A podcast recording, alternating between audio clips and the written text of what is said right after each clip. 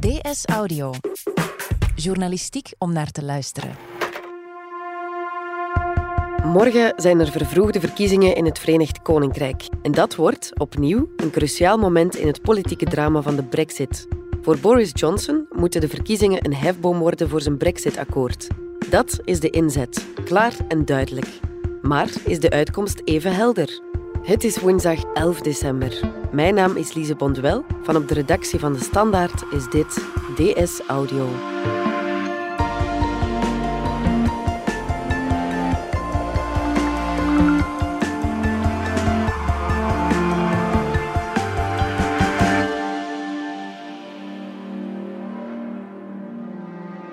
Dominique Mente, buitenlandsjournalist.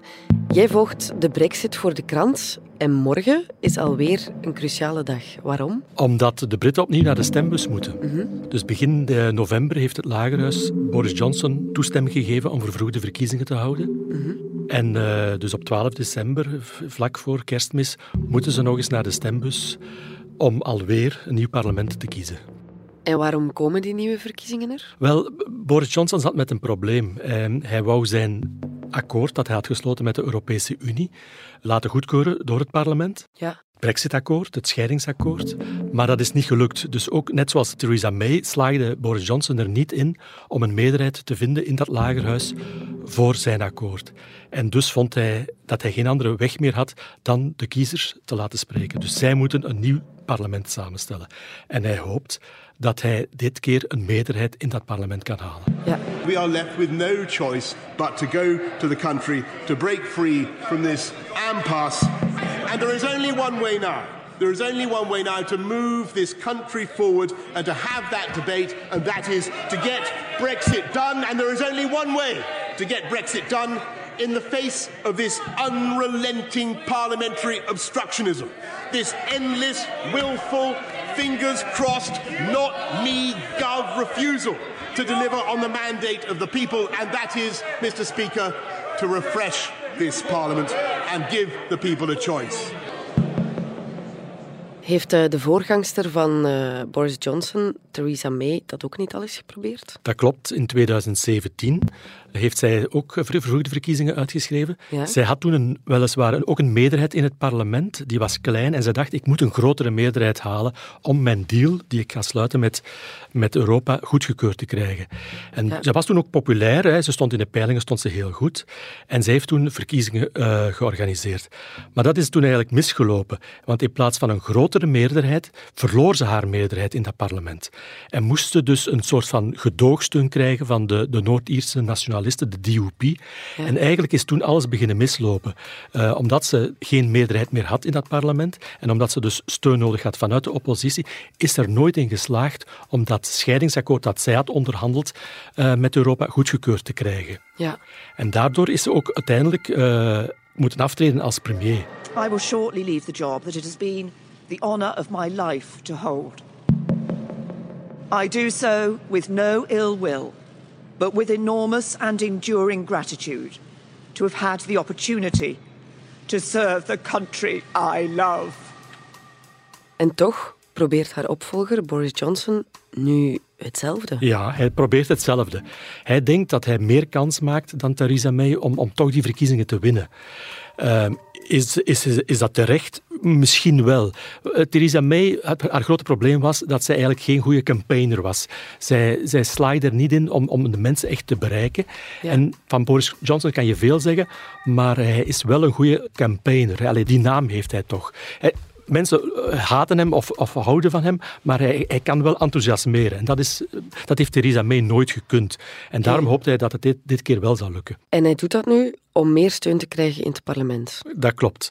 Uh, dus op dit moment heeft hij ook geen meerderheid meer in het parlement. Hij heeft nog 298 zetels op 650. Dat is dus lang niet genoeg mm-hmm. om zijn akkoord goedgekeurd te krijgen. En dus hij moet nu proberen om minstens 30 tot 40 zetels meer te halen om dan na de verkiezingen die deal door het parlement te krijgen. Ja. Zijn verkiezingen dan niet heel veel moeite? Zijn er geen andere manieren waarop uh, Boris Johnson steun kon proberen krijgen? Hij zou dat kunnen proberen uh, door uh, Labour extra amendementen laten indienen op die deal. Ja. Uh, Labour wou dat eigenlijk ook wel, maar hij was toch niet gerust in de afloop daarvan. Hij dacht dan dat die deal die hij heeft gesloten met Europa, dat die helemaal uitgehold zou worden. En dus daarom heeft hij ervoor gekozen om toch die verkiezingen uit te schrijven. Ja.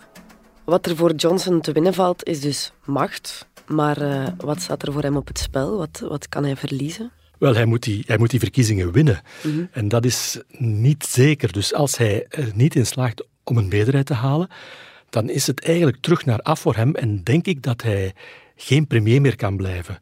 Ehm, dus ja, hij moet, hij, moet, hij moet winnen. Dus hij speelt hoogspel. Hij speelt hoogspel. Maar ik denk ook dat het een beetje een berekende gok is. Omdat hij ervan uitgaat dat Labour niet in staat is om groter te worden dan zijn partij, de conservatieven.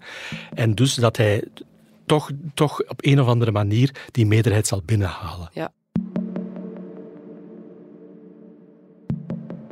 Dominique, Boris Johnson wil de verkiezingen dus winnen om een hefboom te creëren voor zijn Brexit-akkoord. Maar willen zijn tegenstanders van Labour dat dan niet? Wel, in principe willen zij ook een Brexit-akkoord. Eh, dus eh, Jeremy Corbyn, de leider van Labour, eh, wil in principe ook wel uit de Europese Unie stappen.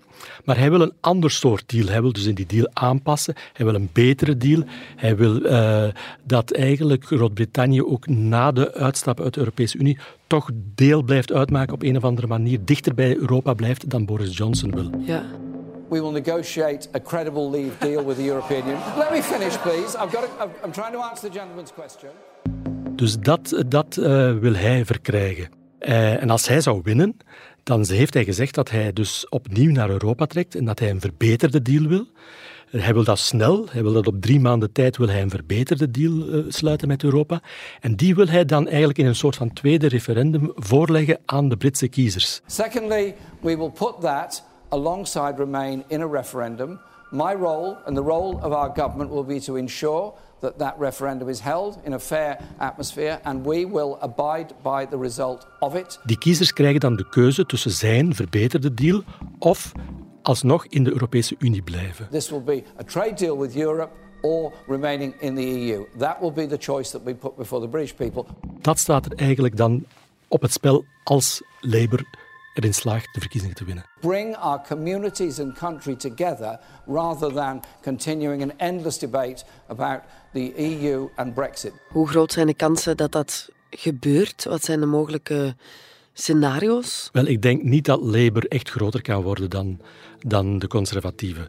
Um, het enige wat ze kunnen doen is de conservatieven niet de absolute meerderheid te gunnen. Ja. Maar zelf groter worden dan, dan de conservatieven, ik denk niet dat dat erin zit. En waarom niet? Wel, dat ligt toch aan, aan de figuur van Jeremy Corbyn, de leider van, van Labour. Daarvoor uh, is de figuur van Jeremy Corbyn toch te, te polariserend. Hij is gewoon niet populair genoeg bij het brede publiek. Ja. Hij is een, een, redelijk omstreden figuur, ook binnen de partij trouwens. Veel uh, oud-Labour-leden en veel Labour-kiezers vinden hem veel te links. Uh, en hij wil eigenlijk een, een, redelijk radicaal links programma uitvoeren. Met uh, nationaliseringen, de spoorwegen moeten opnieuw genationaliseerd worden, een aantal elektriciteitsbedrijven moeten ge, uh, genationaliseerd worden. Dat gaat allemaal enorm veel geld kosten. En de meeste mensen vragen zich af, hoe gaat hij dat betalen? Ja. Hij zegt dan wel dat hij de belastingen gaat verhogen voor de hoogste inkomens. Hij gaat ook uh, bedrijven zwaarder belasten. Dat klinkt allemaal wel goed, maar is dat ook wel haalbaar? Dus ik hoor ook bij veel gewone kiezers, gewone arbeiders, zeggen mij dan, ja, hij belooft dat wel, maar hij gaat dat niet kunnen waarmaken. En daarom zeggen ze ook van, wij hebben geen vertrouwen in die figuur van, van Jeremy Corbyn. Van, van hieraf, op grote afstand, lijkt het natuurlijk een tweestrijd. De Conservatives van Johnson tegen het Labour van Corbyn. Um, maar is dat ook echt zo? Of is het politieke landschap in Groot-Brittannië toch complexer? Wel, het is complexer dan, dan die twee partijen. Je hebt daar natuurlijk ook de liberale democraten, de Lib ja. Dems, zoals wij zeggen. Dat is de meest uitgesproken pro-Europa-partij. Dus zij hebben al gezegd van, als wij winnen, dan draaien we eigenlijk heel die brexit terug. Dan komt er zelfs geen tweede referendum. Nee, dan, dan, dan stoppen wij heel de procedure en blijft het Verenigd Koninkrijk in de Europese Unie. So if you want to stop Boris Johnson and stop Brexit, vote Liberal Democrat. Dat klinkt aantrekkelijk voor de, de Britten die tegen die brexit zijn. Maar tegelijkertijd vinden ze dat ook wel een beetje een, een riskant idee. Want is dat wel democratisch? Hè? Er was toch een referendum waarin een meerderheid had gekozen voor die brexit. Kunnen we dat maar zonder tweede referendum dat helemaal terugdraaien? Dus daar, daar uh, hebben de, de Lib Dems het niet zo slim gespeeld. En dat blijkt nu ook uit de peilingen. Dus die Lib Dems hebben tijdens de Europese verkiezingen van afgelopen mei en ook bij een aantal plaatselijke verkiezingen wel goed gescoord. Ze waren zelfs de tweede partij bij de Europese verkiezingen. Maar je voelt nu toch dat ze dat in de, in de nationale uh, verkiezingen, die, die nationale parlementsverkiezingen, dat kunnen ze niet herhalen. Um, het kiessysteem is ook anders. Het wordt moeilijk voor hem om echt door te breken. Dus daarom, uiteindelijk kom je, kom je dan toch weer bij die tweestrijd tussen Labour en de conservatieven. De enige vraag is van, als Lib Dems toch redelijk goed scoren, en dan spreek ik over een tachtigtal zetels, ja. dan, dan maken ze het vooral Johnson moeilijk. Dus dan, dan wordt het moeilijker voor Johnson om die absolute meerderheid te halen. If you want to stop Boris Johnson and his cabal of hardline Brexiteers, then you need to vote for the Liberal Democrats. We are the only party that can win a significant number of seats from the Conservatives and deprive them a majority. Dus hoe beter de Lib Dems scoren, hoe moeilijker het voor Johnson zal worden om die absolute meerderheid te halen. Johnson is een beetje zenuwachtig daarover. Van die Lib Dems die blijven ergens een soort van gevaar op de achtergrond. Maar eh, als je het mij vraagt, gaan ze toch niet de grote doorbraak krijgen die ze bijvoorbeeld in 2010 min of meer hebben gekregen met, met Nick Clegg was toen de leider. Hij slaagde er toen in om 58 zetels te halen, was ongezien veel. Maar als ze dat nu opnieuw zouden kunnen doen, dat zou dat dan een heel goed resultaat zijn. Ja. Dus Dominique, als ik het zo hoor, zijn er eigenlijk twee uitkomsten. Johnson wint of Johnson verliest. Hoe verschillend zouden die uitkomsten zijn voor het vervolg? Wel, fundamenteel verschillend, denk ik. Um, als hij wint, wordt die brexit-deal goedgekeurd in het parlement en kunnen we eindelijk doorgaan met, met heel die afhandeling van die brexit. Pas op, de brexit is dan niet opgelost, maar dan is die, die eerste fase, die scheiding, is dan tenminste opgelost en kan er eigenlijk nagedacht worden over de toekomstige relatie tussen het Verenigd Koninkrijk en de Europese Unie. Dat worden nog enorm zware onderhandelingen, maar dan is er tenminste een breuk gemaakt. En dan kan Johnson de geschiedenis ingaan als de man als de premier die het Verenigd Koninkrijk eindelijk uit die Europese Unie heeft gehaald. Voor hem is dat een enorme opsteker. Als hij verliest, denk ik dat hij niet langer houdbaar is als leider van de conservatieve partij. Ik denk dat hij dan moet terugtreden. En dan zie ik ook weer niet direct een oplossing voor die brexit. Dan komen we weer in totaal onduidelijk terrein. Ook Europa eh, ziet dat liever niet gebeuren, want dan moeten ze opnieuw gaan onderhandelen met die Britten, waar ze, daar zien ze al zo, zo tegenop. De stilstand duurt dan verder, duurt dan langer. Dat is eigenlijk een beetje het, het gevolg van een, van een verlies van Johnson. Je zegt net Europa. Hoe kijkt de Europese Unie naar deze verkiezingen? Met heel veel belangstelling. Dus in principe kan je zeggen van de Europese Unie heeft ook liever dat de Britten bij Europa blijven. Dat die brexit er niet komt. Ja. Maar anderzijds beseffen ze ook dat dat heel moeilijk wordt om die klok terug te draaien. En dus denken de meeste onderhandelaars, we hebben nu die, die, scheidingsdeal uh, gesloten met Johnson, laat u nu eindelijk alstublieft goedgekeurd worden. En het, heeft, is twee keer mislukt met, met Theresa May, het is één keer mislukt met, met Boris Johnson, laat het nu eindelijk uh, lukken. Dus laat Johnson die meerderheid maar hebben, laat hij die deal door zijn parlement krijgen en dan zien we weer wel verder. Zo kijkt toch de meerderheid van de Europese onderhandelaars naar deze verkiezingen. De Britse kranten refereren naar de verkiezingen als de Brexit-verkiezingen. En nu hebben we het ook alleen nog maar gehad over de, de Brexit. Is dat dan echt het enige thema? Wel, als je met de mensen spreekt, als je dus wat rondrijdt in het land, dan hoor je toch ook dat het heel vaak gaat over de sociale zekerheid, over de ziekenhuizen, over hun sociale zekerheidsdienst, de NHS, de National Health Service. Daar hebben ze heel veel problemen mee. Dus de Britten hebben dat een heel goed uitgebouwd sociaal uh, zekerheidssysteem. Ziekenhuizen zijn gratis, maar die zijn eigenlijk ondergefinancierd geraakt de voorbije jaren. En zowel Labour als Johnson hebben beloofd dat ze daar erg veel geld opnieuw gaan inpompen. En dus mensen vragen zich dan af, gaat dat echt wel gebeuren? Um, Labour heeft op dat vlak de beste papieren. Ze profileren zich altijd als de sociale partij. Ja. Dus op dat vlak hebben zij, hebben zij wel hun geloofwaardigheid. Anderzijds heeft Johnson ook gezegd van ik ga ook 40 nieuwe ziekenhuizen bouwen. Er, de, de, er gaan heel veel aanwervingen gebeuren, want heel veel ziekenhuizen zijn nu chronisch onderbemand. Er is een gebrek aan verpleegsters, vaak Europese verpleegsters, die die het land hebben verlaten ondertussen, omdat ze eh, in een soort van onzekere situatie zijn terechtgekomen. Dus op dat vlak heeft, heeft eh, Johnson een beetje moeite om, om, om geloofwaardig over te komen. Ja. Wat ook meespeelt is immigratie, blijft toch ook een thema. De brexit ging eigenlijk ook over immigratie, over een teveel aan immigranten. Uh, dat blijft ook op de achtergrond spelen. Dus mensen blijven dat ook wel een probleem vinden, problematisch vinden, dat er te veel migranten zijn binnengekomen. Op dat vlak blijft Johnson ook wel beweren dat hij een nieuw systeem gaat uitbouwen dat een beetje op de Australische leest geschoeid is of op de Canadese leest, met heel strikte contingenten van mensen die nog toegelaten gaan worden. En dat kan hij beter gaan organiseren eenmaal hij de Europese Unie heeft verlaten. Dat is zijn, zijn boodschap. Dus daar, daar blijven de, de kiezers ook wel gevoelig voor. En dan is er nog een laatste thema. Er is ook veel, in, zeker in, in de grootsteden, is er veel geweld, messen, messengeweld, mensen die vermoord worden op straat. Daar heeft Johnson ook aangekondigd dat hij daar erg hard gaat tegen optreden. Dat hij erg veel gaat investeren in de politie. Dus mm hij, hij, belooft 20.000 agenten aan te werven. Daarvan zegt Labour dan weer, ja, het is eigenlijk de schuld van de conservatieven. Die 20.000 agenten die zijn in de voorbije jaren ontslagen omdat er bespaard moest worden. Dus eigenlijk hebben zij die, die problemen veroorzaakt. Die gaan ze nu opnieuw aanpakken. Oké, dat is goed. Maar uh, als je ziet, ze hebben daar eigenlijk geen goed track record op dat vlak. Uh, dus omdat ze dus ook die, die politiediensten wat ontmanteld hebben in de voorbije jaren. Maar dat zijn thema's die ook wel spelen.